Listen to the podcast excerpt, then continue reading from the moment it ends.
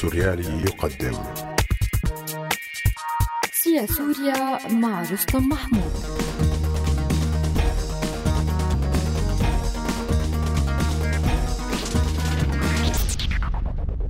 المقالة الأخيرة للمنفدر. مع بداية حياته الجامعية في كلية الإعلام بجامعة دمشق اكتشف كاتب هذه السطور نوعا خاصا من المنافي.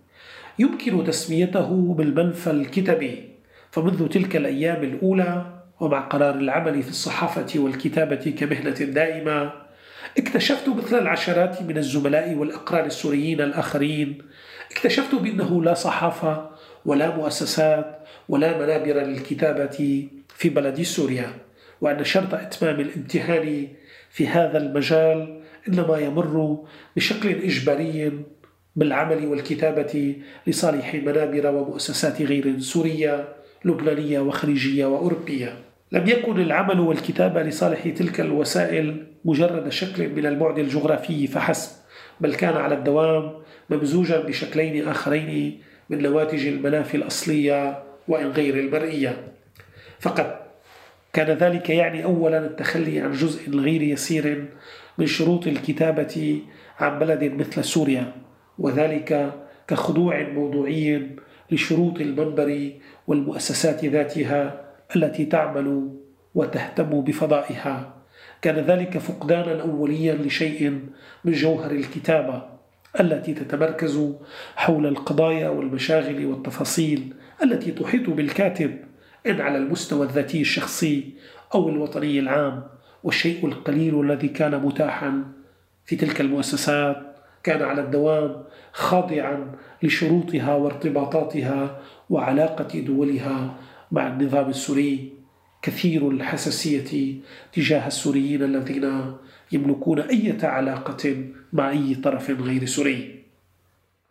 المستوى الآخر من التخلي كان يتعلق بالحقوق فكاتب هذه السطور مثل غيره من الكتاب والإعلاميين السوريين.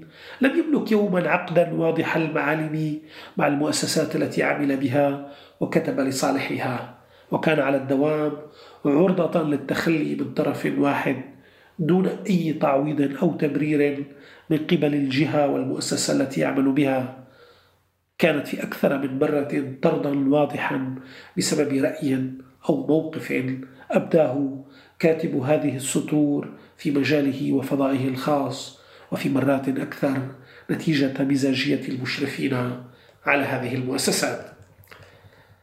طبعا وأثر جميع الأزمات التي تواجهها هذه المؤسسات كان هؤلاء السوريين يدفعون أثمان التعسر التي تمر بها تلك المؤسسات سمت مؤسسات إعلامية معروفة لم تدفع للكتاب السوريين مكافآتهم المستحقة منذ سنتين أو ثلاثة وهم لا يملكون أي أدوات أو ديناميكيات للدفاع عن حقوقهم كما يفعل غيرهم من الكتاب والإعلاميين الذين ينتمون إلى دول هذه المؤسسات كالإضراب أو رفع دعاوي أمام المحاكم.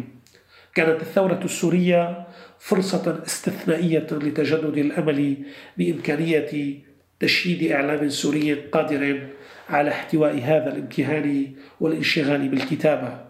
لكن نفس المؤسسات التي انفرزت عن الحراك الثوري ما لمست أن استقطبت وغدت أشكالا من الدعاية السياسية للأطراف السلطوية التي هيمنت على مختلف المناطق السورية والتي أعادت تجربة التسلطية الأسدية وأن بأحياز أصغر وأقل وحشية. لكن كاتب هذه السطور مثل المئات من الآخرين من أقرانه لم يجد مكانا مناسبا له ضمنها. كانت الكتابة في موقع راديو سوريالي لمدة عامين تجربة خاصة في مواجهة ذلك الشكل من المنفى. فدون أي رياء كنت أشعره مكانا فسيحا لكل ما أعتقده وأظنه رأيي الخاص بما يدور في داخلي وحولي كشخص مهتم بالحياة العامة السورية وكل ما يحيط بها من دول ومجتمعات وحساسيات. في منبر سوريالي شعرت لأول مرة بقيمة العمل ضمن عائلة من الفاعلين يجمع بينهم شيء أوسع من القيم البيروقراطية والمصلحية شيء يتجاوزها لقيم الإيمان المشترك بمشروع صغير. هو هذا الراديو والمنبر يشكل ذرة جزئية من اللوحة الكلية للبلد المشترك الذي على كل ساكنيه أن يحيكوا فضاءه العام.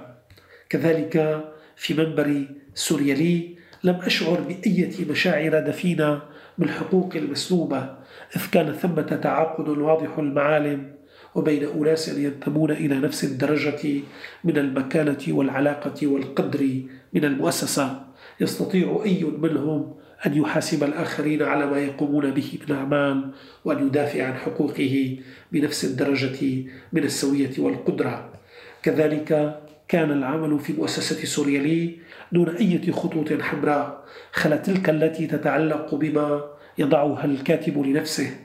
من قيم إنسانية عليا تنبذ العنف والكراهية وخطابها لم يكن ثمة خط أحمر قط قومي أو ديني أو مناطقي أو سياسي فالكتابة عن كل شيء كان متاحا شرط أن تتحلى تلك الكتابة بمزيج من المعرفة والروح النقدية.